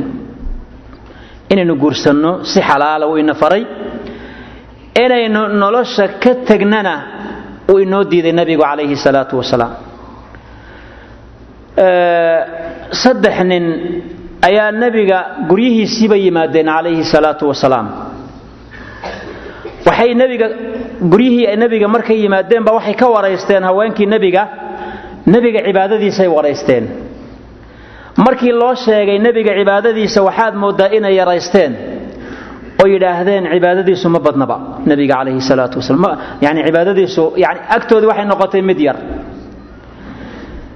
fakaannahum taqaaluuha way yaraysteen waxay yidhaaheen haddana ayna naxnu min rasuuli illaahi allahu calayhi wasalam oo inagu nebiga xaggeen ka taagannahay maxaynu iskugu dherinayn nebiga calayhi salaatu wasalaam ma inagaa nebiga gaadhi karna qad gafara allaahu lahu maa taqadama min denbihi wamaa ta'ahar ilaahay wuxuu u dhaafay baa nebiga dembigiisii wixii hore waa laga dhaafay iyo wixii dambaba marka nebiga ismaba garab dhigi karna yidhahay marka inagu. Mid baa wuxuu yidhi amaa ana fa innii usalli leyla kullah. Anigu go'aan waxaan gaadhayaa buui habeenoo dhan waan tukanayaa buui habeenoo dhan maba seexanayu yidhi. Abadan weligayba salaatuleylun baan ku jiri buui habeenoo dhan waan soo jeedi salaadu maan u taagnaan. Wa qaala aakhar kii kalena wuxuu yidhi wa ana asuumu dahra walaa aftir anna weligayba waan soomi aftiri maalinna soon dayn maayo buui maalin walba waan soomanaan buui weligay soom baan ku jiri buui walaa aftir وqاaل آkhر kii kalena wuxuu yidhi وأna أctaزil النisاءa falaa أتزawج aniguna haweenoo dhan baan ka fogaan weligay guursan maayo buui weligay ma guursanayo way mashغuulin buu leeyahy cibaado iga mashغuulin fajaءa rasuul الlahi عalayhi rasuulkii ilaahi baa u yimiday fa jaaa rasuulu llaahi calayhi salaatu wasalaam ilayhim. Nimankiiba u yimid. Faqaala wuxuu yidhi antum qultum kada wakada ma idinkaa sidaa iyo sidaa yidhi. Amaa wallaahi inii laakhshaakum lillaahi waatqaakum lah. Amaa wallahi ilaahay baan ku dhaartay buui ana idinku cabsi badan buui oo ilaahay agtiisa aniga idinku taqo badan buui walaakinii ana usallii wa anaamu wa asuumu waaftir waatazawaju nisaa ana idinku cabsi badan buui oo idinku taqwo badan buui laakiin waan salaad waan tukadaa buu yidhi waanan seexdaa buu yidhi waanan soomaa buu yidhi waanan aftiraa waan iska cunaa buu yidhi wa atasawaju nisaa haweenkana waan guursadaa buu yidhi faman raqiba can sunnatii sunnahaygu waa kaas buu yidhi qofka diida sunnahaygaas faqad raqiba cannii wuu idiiday buu yidhi marka qofkaasi nebigu calayhi salaatu wasalaam qofka sidaa diidaayay anigu i diiday buui markaa sunnahaygii uu diiday khalaas. Kuma taagna jidkaygii buui nebigu salawaatu ullahi wasalaamu calayh. Wa hada alxadiid daliilun calaa ana almashruuca huwa aliqtisaadu fi lcibaadaat xadiiskaasi wuxuu daliilu yahay cibaadaadka in dhexdhexaad lagu sameeyo inay tahay shay mashruuc ah duuna alinhaaki walidraari binnafs iyadoo nafta la kadeedayn oo aan la dhibayn. Oo waxyaabaha ma'luufaadkee naftu ay rabto aan laga tegayn. Waana haadihi almilatu lmuxamadiya sidaasina waa diinta nebi moxamed calayhi salaatu wasalaam. Ee shareecadeedu ay ku dhisan tahay aliqtisaad watashiil wataysiir fudayd dhexdhexaad iyo taysiir lamana xujaysanayo qowlka ilaahay adhabtum طayibaatikum fii xayaatikum اdunya oo ilahay u le marka adhabtum طayibaatikum fii xayaatikum kaa lama xujaysanayo qowlkaas fainaha naزlat fii xaqi اlkufaar waxay ku soo degtay aayaddu gaaladay ka hadlaysaa kama yaquulu imaamu طabari tafsiirkiisa uu ku yidhi fafi اlxadiiث xadiiska waxaa kaloo ku jira alraddu calaa man manaca isticmaal alxalaali ma'kalan wamalbasan xadiisku wuxuu radinayaa qofka diidaya in shayga xalaasha ah la isticmaalo ama ha noqdo wax la cuno ama wax la xidho. Nabiga calayhi salaatu wasalaam intaba markaas uu qaatay cuntada iyo labiska intaba uu isticmaalay wuxuuna isticmaalay altawasud fi lumuur wacadam lifraat fii mulaasamati ayibaat waxyaabaha wanaagsan ayibaadka xalaasha ah tawasud ayuu nebigu isticmaalay calayhi salaatu wasalaam. Haddii uu qofku ku fogaado waan sheegno waxay keenaysaa altarafu walbatar kibir bay keeni iyo waxa weeye xadgudub iyo israaf dabeeto qofka aamin loogama ah inuu ku dhaco shubuhaad mar hadduu ku xadgudbay waxyaabihii waxa weeye isticmaal xalaal. Qofka waxyaabaha ka caado dhigta fa ina man ictaada dalika qad laa yajidhu axyaanan hadduu qofku nicmo uun ku talagalo oo mar walba taraf iyo faajafaajaysi uu ku talagalo waxaa laga yaabaa inuuna qaadi karin hadduu waayo maalin wixii uu bartay. Koobka shaaha ah ama kafayga laga soo cabo hoteelka waxaa laga yaabaa qofku hadduu maanta waayo inuu maanta o dhan waxa weye madu xanuuno. Madaxu xanuuno marka maanta o dhan marka koobkiiba iga maqan marka inuu u sabri kari waayo dabeetana uu ku dhaco marka dambe shay maxduur ah ayaa dhici karta. Sidoo kale ana man munica min tadaawuli dalika axyaanan. Haddii laga manciyo qofka waxyaabahaas oo xalaasha ah wakhtiyaasha qaarkood waxaa laga yaabaa inay ku keento tanatuc inay ku keento. Waana takalluf keenaya inuu ka baxo shaygii saxda uu ku dhaco sunnatu lmanhiya canhu sunnihii markaa la nahiyey waxyaabihii la nahiyey inuu ku dhaco. Taana markaa waxaa u daliila qowlka ilaahay qul man xarama ziinata allahi alatii akhraja licibaadihi watayibaati min alrisq imaamu sancaani ayaa wuxuu leeyahay sharxu subul salaam calaa buluuqi almaraam. Ayaa wuxuu yidhi ana alahda biاtashdiidi fi lcibaada cibaadada qofku inuu tashadud u qaato si adag inuu cibaadada u qaato yu'addii ila almalal alqaatic liasliha waxay keeni inuu kulliyanba ka tago hadduu cibaadada si adag u qaato uu ku dhego yidhaa markaa kamaba fuqayo shaygii cibaadada ahaa kuliyan wuu ka tegayaa buuri kuliyan wuu ka dhaqaaqi doona marka dambe. Wamulaazamaة اliqtisaar cala alfaraa'id maala wuxuu yidhi markaa inuu qofku ku koobsado uun faraa'ida inta faradka uun baan tukan haddaad tidhaha salaada faralka uun baan soomi haddaad tidhaahdo oo waxyaabihii sunnaha ah uu ka tego taasina waxay keeni buu yidhi albataala wa cadami nashaad ila alcibaada qofku inuu waxa weeye cibaadadii nashaadkeedii uu waayo uu caajisnimo iyo shaqola'aan ku dhaco marka dambe waxba qaban waayo. Wa khiyaaru lumuuri awsaduhaa. Arrintana maxaa ugu fiican? Dhexdhexaad inuu ku socdo. Inuu dhexdhexaadsado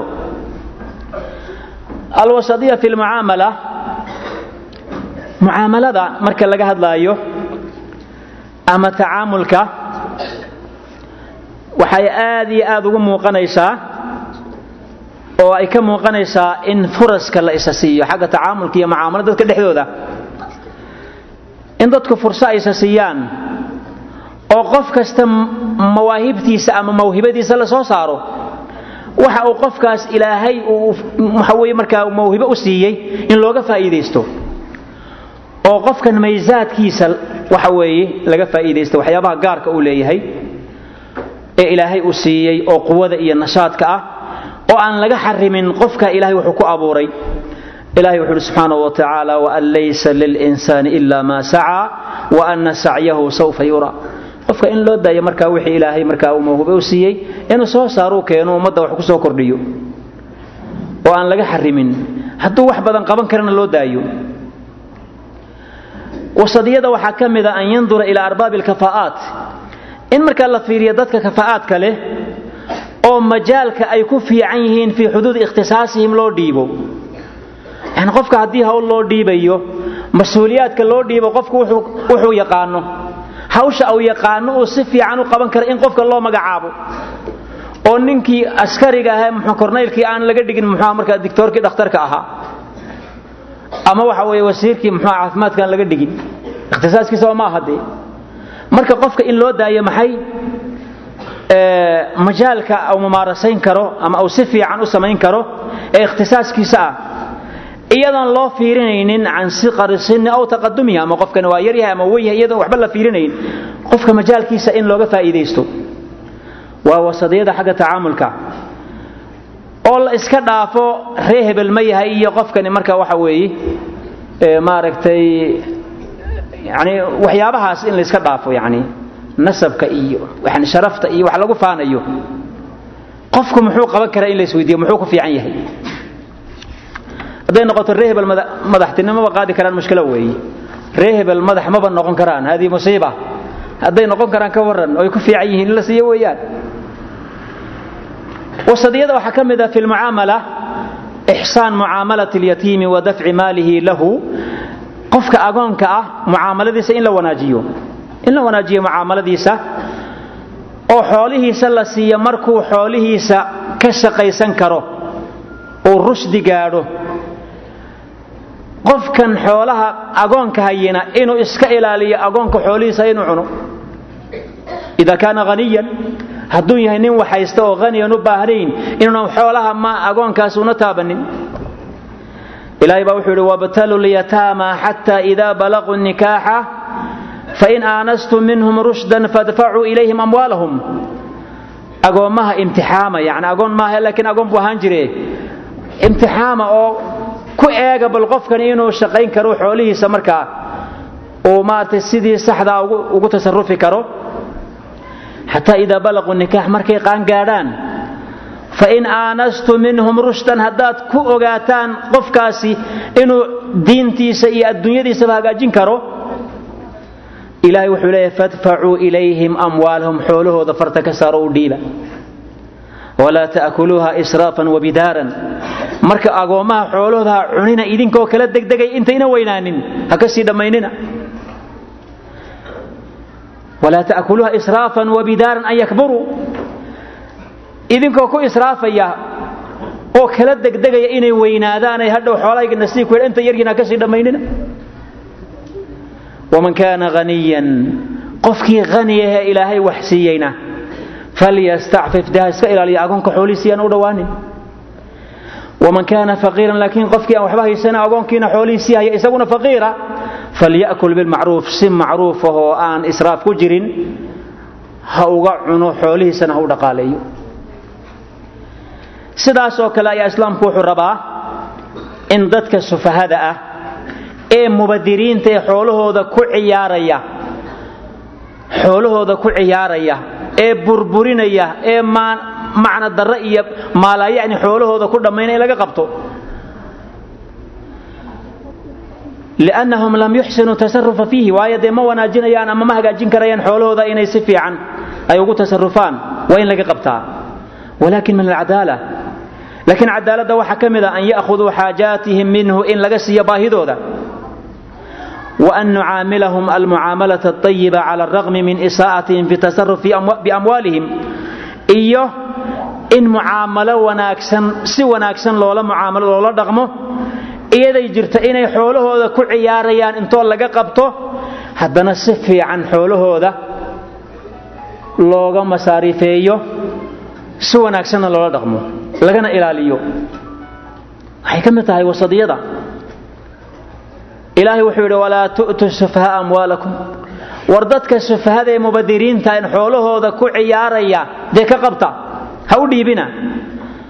Walaa tu'tuu sufaha amwaalakum alatii jacala allaahu lakum qiyaaman. Xoolaha ilaahay idinka dhigay shayga aad ku taagan tihiin ka ilaaliya sufahada ha u dhiibina. Warsuquuhum fiiha ka nafaqeeya waksuuhum kana arratira. Waquuluu lahum qawlan macruufa hadal wanaagsanna u dhaho dee safiih baad tahay. Xoolahaagii baad kharibaysaa waha caayin yani aflagaadada ka ilaali. Si wanaagsan ula dhaqan waani oo naseexo wanaagsan oo islaamnimo ah u naseexee laakiin aflagaado ka ilaali xoolihiisana u ilaali. Kana dhaqaalee wasadiyada waxaa ka mid ah an nuxsina ila alatfaali walmasaakiini walfuqaraa walkhadam in loo ixsaan sameeyo carruurta yaryar iyo masaakiinta iyo fuqarada iyo dadka shaqaalaha ah inaynu kula mucaamaloonno si naxariis iyo dabacsani leh iyo dadka ducafada ah ee aan awoodi karin xaaladooda marka inay wax ka qabsadaan nabiga calayhi salaatu wasalaam wuxuu yidhi man yuxram rifqa yuxram alkhayra qofka naxariis laga qadiyo khayr oo dhan baa laga qadiya buhi nabigu calayhi salaam. Qofka naxariis laga waayo khayr oo dhan baa laga waayay laa yarxamu allaahu man laa yarxamu nnaas. Ilaahay uma naxariisanayo cidda aan dadka u naxariisan buhi nabigu calayhi salaatu wasalaam. Almiisaan fi lmucaamala marka xagga mucaamalada la miisaamayo ama la eegayo miisaanka la saarayo waxa weeye an yucaamila alinsaanu annaasa kama yuxibu an yucaamiluuh yani mucaamalada marka la miisaamayo sida dadka loola dhaqmayo waa inuu qofku dadka kula dhaqmaa sida uu jecel yahay in loola dhaqmo inuu kula dhaqmo weeye. Marka taasaa waxay noqonaysaa miqyaas. Nabiga calayhi salaatu wasalaam wuxuu yidhi axibba liakhiika maa tuxibu linafsik waxaad walaalkaa la jeclaataa waxaad naftaada la jeceshahay buuhi nabigu calayhi salaatu wasalaam axibba linnaasi maa tuxibuhu linafsik dadka la jeclow buu yidhi waxaad naftaada la jeceshahay waa miisaanka mucaamalada weeye waa qaacida miisaaniya oo nebigu qariray calayhi salaatu wasalaam laa darara walaa diraar yani laa darar walaa diraar macnaha cid ha ku bilaabin dhibaato ha ku bilaabin adugu dhib haddii lagu geystana dhibtii lagu geystay qofka ku abaalmarina iska saamax. Laa darar walaa diraar. Ama intii lagu geystay in lagu geystana wax ka daa wax ka dhaaf. Alwasadiya fi lqasdi waxaa ka wasadiyada alqasdi alictidaal aw ariiq alwaasic almuyasir lisuluuk. Waa ictidaalka iyo dariiqa markaa waxa weeye maaragtay waasica ee la doonaya markaa qofku inuu ku toosnaado. Waxaana miaal ahaan qasdigaas waxaa tusaale ahaan yani marka la soo qaato waa cadamu linxiraaf qofku inuu iska ilaaliyo inxiraaf. Cadamu lquluwi wa cadami taaruf inuu qof markaa quluwi una la iman iyo taaruf alinxiraaf waa maxay waa almayl can alqasdi waa inuu qofku qasadkii iyo sidii saxda ahayd uu ka leexdo. Munxarifka waxaa la yidhaahdaa alladii yamiilu can ariiqi lmustaqiim waa qofka ka leexsan ariiqii toosnaa ama insilaakh shariixa min almujtamac ama mujtamaca qayb ka mida inay ka baxaan almajra ra'iisi yani sidii saxda ahayd ee xayaatada mujtamacu u socotay inay dhinac uga leexdaan. Waa munxarifiin weeye waqad yakuunu inxiraaf fi lfikri aw alcaqiida aw suluuk waxaa laga yaaba inxiraafku inuu noqdo xagga fikirka ama caqiidada iyo suluuga waqad yakuunu fiiha jamiican. Dhammaanba inuu inxiraafkaas soo galaa laga yaabaa. Uluwiguna waxa weeye waa mujaawasat alxad walifraad almanhiyi canhu waa inuu qofku xadkii dhaafaa oo ku dhacaa wixii la nahiyey ee xadgudubka ahaa. Ilahay baa wuxuu yidhi subxaanahu wa tacaala yaa ahla alkitaabi laa taqluu fii diinikum. Ehlu kitaabkii oo diintiinna ha ku xadgudbina. Walaa taquluu cala allahi ila alxaq ilaahayna xaq mooyaane wax kale ku sheegina. Yani wax xaqa uun ilaahay xaggiisa ka sheega been ka sheegina ilahay subxaanahu wa tacaala nabiga calayhi salaatu wasalaam wuxuu nahiyey uluwiga wuu nahiyey. Xadiiska ibnu cabaas nabiga calayhi salaatu wasalaam baa wuxuu yidhi iyaakum walghuluwa fi diin. Waxaan idinka digayaa buu yidhi inaad diinta ku xadgudubtaan iska ilaaliya buui fainamaa ahlaka man qablakum bilghuluwi biddiin waxaa halaagay dadkii idinka horreeya diintay ku xadgudbeen baa halaagtay buui alquluub waxaa ka mid a altanauc wtashdiid fi lictiqaadaati wlacmaal fi lictiqaadaati walacmaal inuu qofku isku adadkeeyo ictiqaadaadka waxyaabaha ictiqaadaadka ee muctiqadaadka ah iyo acmaasha nabiga calayhi salaatu wasalaam ayaa wuxuu yidhi halaka almutanaicuun way halaagsameen mutanaicuuntu waa maxay almutacamiquuna almujaawizuuna alxuduuda fii aqwaalihim wa acmaalihim yani dadka yani ku fogaaday. Hadday tahay qowlkooda iyo hadday ficilkooda tahayba dadka ku fogaaday xuduudda ee xadgudub ku dhacay. Dadkaasi way halaagsamay buri nabigu calayhi salaatu wasalaam. Sida imaamu nawowi u sheegay xadiis maarta ku yidhi laa tushadiduu calaa anfusikum fayushadid allahu calaykum. War naftiinna ha isku adadkaynina. Diinta dabeedna ilahay idinku adkeeyo faina qowma shadaduu calaa anfusihim fashadad allahu calayhim fatilka baqaayaahum fi sawaamic waa kuwa markaa ku jira bur markaas sawaamicda waa rahbaaniya iyagu markaa samaysteen marka walaal wasadiyada ka mid ma aha atacasub lira'yi inuu qofku ra'yigiisa ama aragtidiisa u tacasubo oo uu ku dheganaado ka mid maaha wasadiyada ra'yigaasi marka ama ijtihaad ha noqdo ama hayru ijtihaadi iyadoon wax daliila ah una haysan. Ka mid maaha wasadiyada almira'u waljadal lilhalaba qofku inuu iska doodo uu marmo si uu qofka kale uga adkaado uun dooda laa lilwasuul ilxaq isagoon rabin xaq in la gaadho inuu dooda uun kaga adkaado. Wa hada alguluwi waxaa ka mid ah takfiiru lmuslimiina limujaradi cisyaanihim muslimiinta in la kufrisiiyo macsiyo ay sameeyeen keliya bas in la dhaa waa gaalo. Ama inxiraaf ay sidii saxdaa ka leexdeen la dhaa markaa lagu gaaleeyo. Quluwigaasi markaa wuxuu keenay oo muslimiinta la gaaleeyaay in la bannaysto dadka muslimiinta ah dhiigooda in la banaysto. Istibaaxati dimaa'i alabriyaa min almuslimiina wa acraadihim wa amwaalihim. Sida ka dhacday dee madabada muslimiinta qaarkoodba ka socota. Waana waxyaabaha fool xumeeya suurada islaamka ee dadkiina islaamka ka fogeeyey ee fitan muslimiintii dhex dhigay. Waa waxyaabaha ishortaagay ducaadda mukhlisiinta ah ee waaciyiinta ah islaamka fahamsan. Waxyaabaha ishortaagay weeye waa waxyaabaha dhiirigeliya cadowga islaamka inuu islaamka dagaalkiisa ku adkaado bikulli aslixati daacayiya walmaadiya inuu islaamka markaa ku soo wajaho. Ama dacayad ha noqoto ama dagaalkii caadigii. Waa waxyaabaha keenay tashwiih suurat lislaam in la xumeeyo oo nabiga calayhi salaatu wasalaam meel looga dhaco lacaya nebi moxamed calayhi salaatu wasalaam. Oo waxyaabaha keenay in irhaab iyo tataruf iyo quluwi islaamka lagu dhajiyo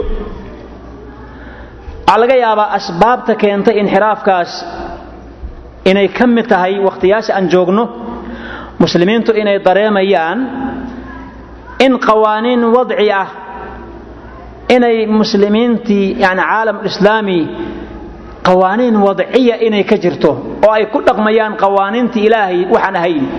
Yani shareecada ilahay waxaan ahayn. Ama waxaa laga yaabaa inay keento waxyaabaha ay dadka muslimiinta madaxdoodu ay sheegayaan oo aan la fulinayn. Waxaa ka mid a inay jirin tawaafuq waxyaabaha yani maarata mutahayiraadka ah ee muxuu ahaa shareecada islaamka waxyaabo aan waafaqsanayn oo la rabo in la waafajiyo inay ka mid tahay baa dhici karta. Waxaa ka mid ah dadka mas'uuliyiinta ee madaxda ah bilaad alislaamiya inay ishortaagayaan tadbiiq axkaami shariica inay ka mid tahay waxyaabaha keenaa laga yaaba inxiraafka. Weliba dadkaasoo ku ta'auray thaqaafa algharbiya ama ay dabada ka wadaan duwal almucaadiya lilislaam dowladaha islaamka colka cadowga ku ah ama ayba daba socoto dasaa'is iyo mu'aamaraad islaamka lagu wado. Waxaa laga yaabaa inay keento inxiraafkaas xuquuqul insaankii oo maanta yani muslimiinta dhexdooda aynan jirin. Yani qofkii insaanka ah xaqiisiiba yani islaamka ah oon xaqba lahayn. Waxaa ka mid ah dacawaatu taxarur. Yani qofku inuu cubuudiyadiisa aw xor u noqdo in maanta uu qofka meelaha qaarkood uu laayahay oo saytara ay waxyaabaha maadiga markaa ama waxyaabaha maadiyaadkii ay qofka yani waxa weeye ay saytaraysa caalam islaami baa ka mid ilaawayba waxyaabihii markaa waxa weeye qofkan uu xaqa u lahaa. Inxiraafka waxaa laga yaabaa inay keentay waxyaabaha faafay ee dadka soo koraya ku faafaya oo muyuucada ah ama inxilaalu ah iyo wasaa'isha iclaamiga waxyaaba ay faafinayaan fasaadka ah iyo in dadkii wanaagsanaa ee qudwada noqon lahaa kabti lagu hayo ama la caburinayo waxyaabahaas inay ku keentaa laga yaabaa dadka maanta inxiraafka ku jira ama quluwiga. Waxaa laga yaabaa inay faqriga iyo bataalada faaftay tahay. Waxaa laga yaabaa inay tahay dadkii maaragtay muslimiinta ahaa oo dariiqii ka leexsan. Dabeete markaa dadkan si dariiqii loogu soo lexiyo la adeegsado markaa cunfi iyo tataruf wasadiyadu markaa waxay ku baaqaysaa in la ilaaliyo dawaabit. Miisaanka in la aliyo mawaasiinta ee islaamku u caddeeyey. Axkaamu shariica in la iltisaamo.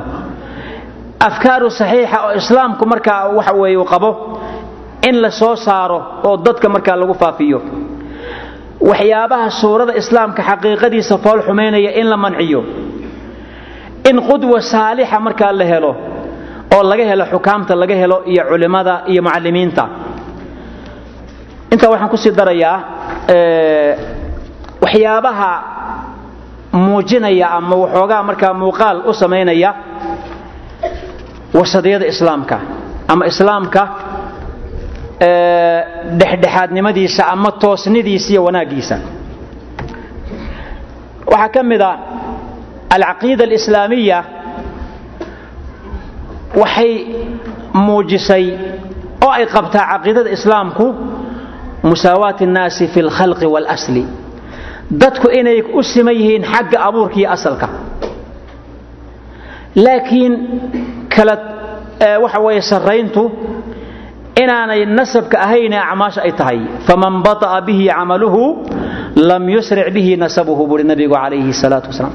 Yacni qofka uu camalkiisu reebo nasabkiisu ma hormariya buuri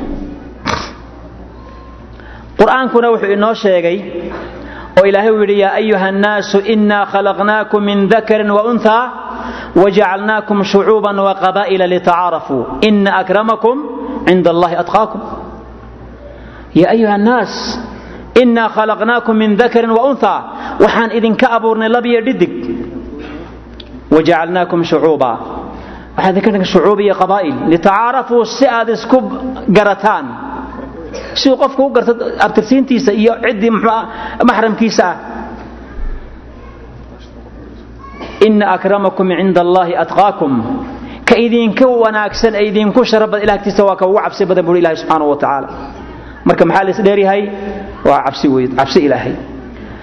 Waxaa ka mid a waxyaabaha muuqda ee wasadiyada islaam ka mid ah ana alkowna lahu ilaahun khaaliqun mudabbirun samiicun caliim koonkan inuu leeyahay ilaah khaaliqa oo maamulayo samiic oo caliima oo la socdo koonkan wixii dhacaya oo ku sifaysan bikulli sifaati alkamaal waxaa ka mid a waxyaabaha wasadiyada muuqaalka weyn ah xaakimiyat lwaxyi waxyigu inuu yahay shayga markaa waxa weeye isagu maamulaya.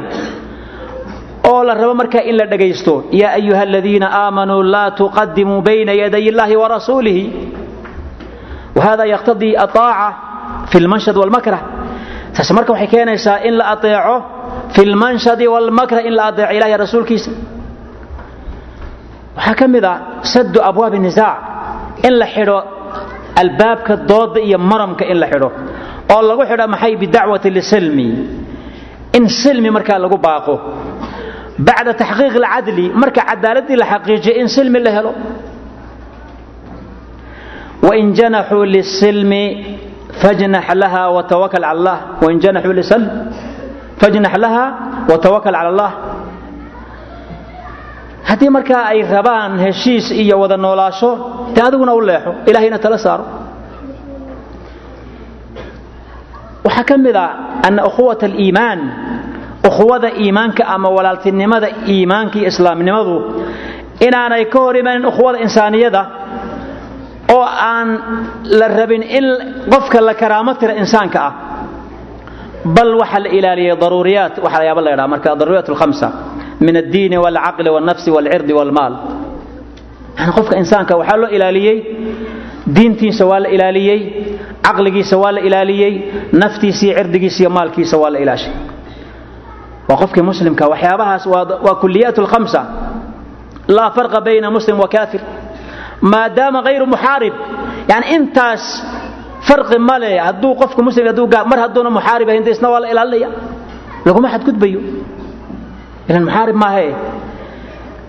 Arrintu marka weliba intaa waxa sii dhaafsan mucaahadaad iyo mawaahiiq marka la galo oo mancinaya ictidaa wa in la ilaaliyo weeye waxyaabaha islaamka wasadiyadiisa markaa muujinaya waxaa ka mid a nashru ruuxu tacaayush in la faafiyo wada noolaashaha ruuxdeeda iyo tasaamuxa xataa laa yusbixa alkownu haabatan min alcidaa si una adduunkani u noqon meel cadowtinimiyo col ka taagan yahay haaba min alcidaa si aan loo noqon laakiin biabci laa yakunu tasaamux maca aalimiina tuqaat laakiin haddana musaabaxadu ma aha aalimiinta tuqaada ah ma aha musaamaxada kuwa lama sheegayo faafdalu maqaam lishahaada kalimatu xaq cinda suldaani jaa'ir yacni maqaamu shahaada waxa ugu sarreeya inuu qofku xaqa sheego ninka madaxa ah ee daalimka hortiisa u ka sheego.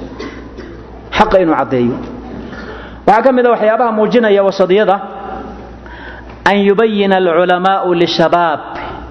Culimmadu inay u caddeeyaan ragga dhallinyartaee soo koraya ama dadka dhallinyartaa rag iyo dumar fadla fiqhi lmuwaasanaat fiqhu lmuwaasanaat fadligeeda inay caddeeyaan fiqh lmuwaasanaat addacawiya walfiqiya yani dacwada iyo fiqiga maaragtay waxyaabaha muwaasanaadka inay ilaaliyaan. Si ayna wax weyna u yaraynin wixii yaraana ayna u weynaynin. Waxaa ka mid ah iltizaam alcad fi alaxkaami wa dabdiha in cadaaladda la laazimo yani waxa weeye axkaamta oo lagu ilaaliyo mawaasiin sharci. Qaacidada qur'aanka waxay leedahay walaa taziru waasiratun wisra ukhraa waxaa ka mida waxyaabaha muujinaya wasadiyada alrujuuc bilfatwa liuli lcilmi in loo noqdo fatwada loogu noqdo ahlulcilmiga in loogu noqdo. Xataa laa tataratab calaa fataawi baila in fataawi baail ah ayna meesha ka soo bixin oo kaarito ku noqda ummadda muslimiinta ah marka halkaa waxaa ka soo baxaya dowr lculamaa almuctadiliin inay soo baxaan. Waxaan ku soo gabagabaynayaa culimmada ka hadashay qadiyadan marka wasadiyada sheekh ka mida inkastoo culimo badan jireen laakiin sheekh ka midaan ku soo gabagabaynaya waa sheekhu waa adictor yuusuf qardaawi raximah llah imaam min a'immati alcasri waa imaam ka mida a'immada maanta casrigan jooga wadaaci badala cumrahu lmadiid fii khidmati dacwa oo cimrigiisa u diyaariyey inuu dacwada ugu khidmeeyo. Wuxuu soo saaray casharaat alkutub wuxuu xaadiray mi'aat nadawaat walmu'tamaraat intaas oo mu'tamar iyo nadwo ayuu ka qayb qaatay caalam lislaami wuxuu noqday shakhsiya caalamiya fi majaal dacwa. Huwa aladii istakhdama kalimat alwasadiya walictidaal fi manhaji fahmi lislaam waana ninka ugu horeeyey inuu istikhdaamsado ama uu sheego kelimada wasadiyada fii manhaji fahmi lislaam markuu ka hadlayey wuxuu lahaa fii ixdaa munaaqashaatihi yani munaaqashaadkiisa meelihii nadawaadka mid ka mida markuu ka hadlayey calayna an nabxata alumuura. Arrimaha waa inaan baadhnaa buu yidhi. An nabxata alumuura min juduuriha juduurteeda waa inaan fiirnaa. Shayga asalkiisa. Wanaqra'u alwaaqic qiraa'atan saliima waaqicana waa inaan si fiican u aqrinaa buu yidhi min hada waaqic nanaliq ila mustaqbal markaynu waaqica si fiican u aqrin ayaan mustaqbalka u soconaynaa buu leeyahay wifqa ru'yatin saxiixa iyadoo ru'yo fiican markaa aynu ku soconno waxaa ka mid ah hadalladiisa aladiina yatabicuuna lilmanhaji alkhata dadka maanta raacaya ee daba socda manhajka khata ah fii qira'ati alwaaqic waxay samaynayaan buu yidhi altahwiil iyo watahwiin tahwiil iyo tahwiin waa maxay yudakhimuuna alumuura sagiira wayuhawinuuna umuura alkabiira arrimaha yaryarna wax weyn bay ka dhigayaan wax weyna wax yar bay ka dhigayaan marka waxay isku qaldeen buu yidhi tahwiil iyo iyo tahwiin waxaa ka mid ah hadalladiisa min alakhtaa'i alkabiira waxaa ka mida buu yidhi waxyaabaha waaweynan ku jirno luqatu tabriir baa ka mida lilakhtaa' alfardiya aw aljamaaciya akhdaada qofka uu galaya ama jamaacadu ay galayso inaynu tabriir u samayno innagoon ictiraafayn ama aan qiranayn masaa'ibtu inay ka timida min cindi anfusina. Ilaahay baa wuxuu leeyahay maa asaabakum min musiiba fabima kasabat aydiikum wayacfu can kaiir waxaa ka mida buui markaa aqaafadeenna waa aqaafat lictidaal weeyaan buu yidhi. Alictidaal bayna mawjibaati sharci wa muctiyaati alcaqli waxay waajibinaysaa sharcigii iyo waxyaabihii markaa caqliga saxda ahaa. Waalcaqlu waxdahu laysa ma'muunan buu yidhi. Caqligu keligii maaha mid la aamini karo. Lida arsala allahu rusul sidaasaa ilahay rususha u soo diray wa anzala alkutub kutubtana u soo dejiyey. Wa min huna yaquulu sheekh qardaawi raximah llah ina aqaafatana buu yidhi laysat aqaafatan khatira ma aha buu idhi aqaafadeenna ama tacliinteenna iyo dhaqankeennu ma buu wax khatara maaha buu yani dhaqankeennu khatar maaha buu leeyahay sida ay leeyihiin gaaladu. Laakina hunaaka fi lgarbi man yuriidu an yuayira aqaafatana laakiin arbiga waxaa jira buui cid doonaysa marka inayna badasho markaa dhaqankeenna. Whada laa yumkin an yuqbal taan lama aqbalayo. Inana qaadiruuna cala an nunqiya aqaafatina waxaan awoodi karnaa aqaafadeenna inaan si fiican aan u ilaalino min bacdi shawaa'ibin ka ila waxyaabaha soo dhex galaya allatii ikhtalata fiiha alxaqu bilbaatil wlmuctadilu bitaaruf inaan ka ilaalino wakhtalaa fiiha alquluubi taqsiir. Wuxuu yidhi laqad aana waxaan ku soo gabagabaynayaa laqad aana lana an nantaqila bisaxwati lmubaaraka wuxuu yidhi waxaa hadda aan joognaa asaxwa almubaaraka inaynu dhaqaajinno oon ka dhaqaajinno maxay? Min almuraahaqa caruurnimada inaanu ka kaxayno ila rushdi inaan gaadhsiinaan rabna markaa dacwada. Yacni qof maskaxdiisu buuxdo inaan gaadhsiinaan doonaynaba markaa maanta dacwada. Min alquluw walinxilaal inaan ka kaxayno quluwiga iyo inxilaalka ila alwasaiyati walictidaal inaan gaadhsiinaan rabnaabno min atacsiir watandiir inaan ka kaxayno culayska iyo dadkan yani maarata eh, la duldhigaya un khawfka oo aan geynaba markaa taysiir iyo tabshiir min alcunfi washidda inaan ka kaxayno ila alrifqi waalraxma inaan gaadhsiino weeyaan buuri hunaaka quluwun yuriiduna an nuqaatil alcaalama kullah. Waxaa jirta buui markaa quluwi doonaya adduunkoo dhan inaan la dagaalanaa jirta buu yidhi waa quluwi xadgudub. Hunaaka quluwun yuriidunaa an nuqaatila alcaalama kullah oo doonaya caalamkao dhan dagaal inaan ku qaadno.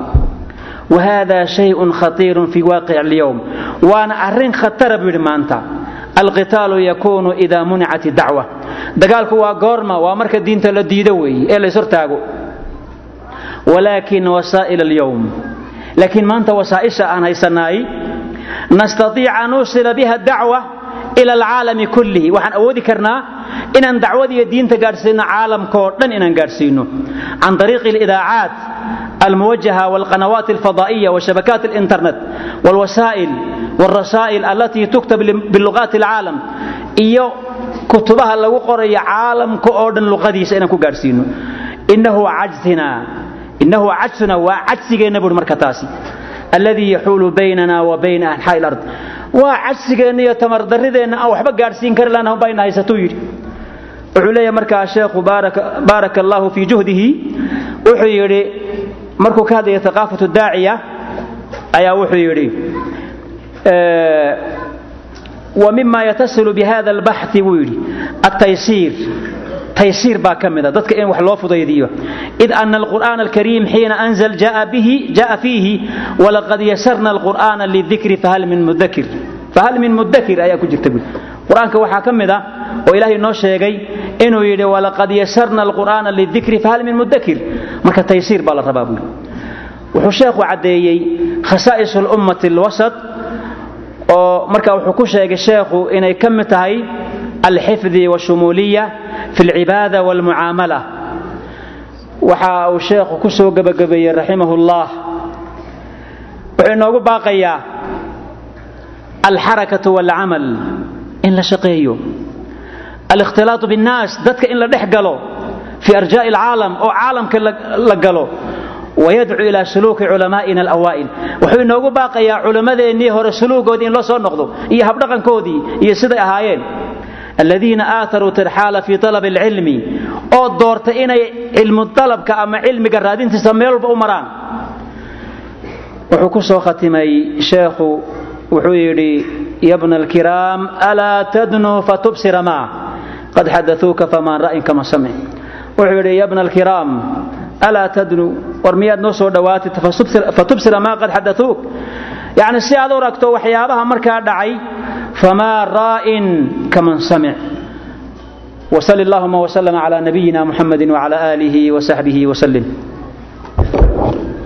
بسم الله الرحمن الرحيم بارك الله فيكم وجزا الله شيخنا شيخ علي آدم على هذه المحاضرة القيمة شيخ نودمي جزاه الله خيرا nasaaix badan iyo talooyin badan oo aayaad iyo axaadiis iyo nasaaix isugu jira ayaa sheekhu ina siiyey. Oo mar walba muxaadaraadka nadwada ka baxaya aynu ka qaadanaynay.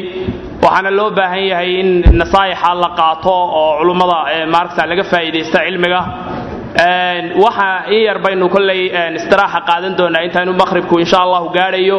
Waxaan se idin ogeysiinayaa nadwadii inoo socotay muddo bay inoo soo socotay. Annadwa alcilmiya bicunwaan shumuuliyat lislaam. Islaamka shumuuliyadiisa iyo shaamilnimadiisa ku saabsanayd. Waxa weeye khatimkii baynu ku dhownahay. In sha allahu caawa waxay noqonaysaa misku maxay ahayd laynooga jawaabi doonaa oo culimmadu inooga jawaabi doonaan insha allahu kibaaru lculamaa as'iladii aad soo gudbiseen ee aynuu gudbinay culummada ayaa laynooga jawaabi doonaa oo loo gudbin doonaa. Marka waxa weeye in loo soo diyaargaloobo oo markasta si fiican looga soo qayb gala insha allahu tacaala culummadana laga faa'iidaysto. Sala allahu wasalam calaa sayidina muxamedin wcala ali wasaxbi ajmaciin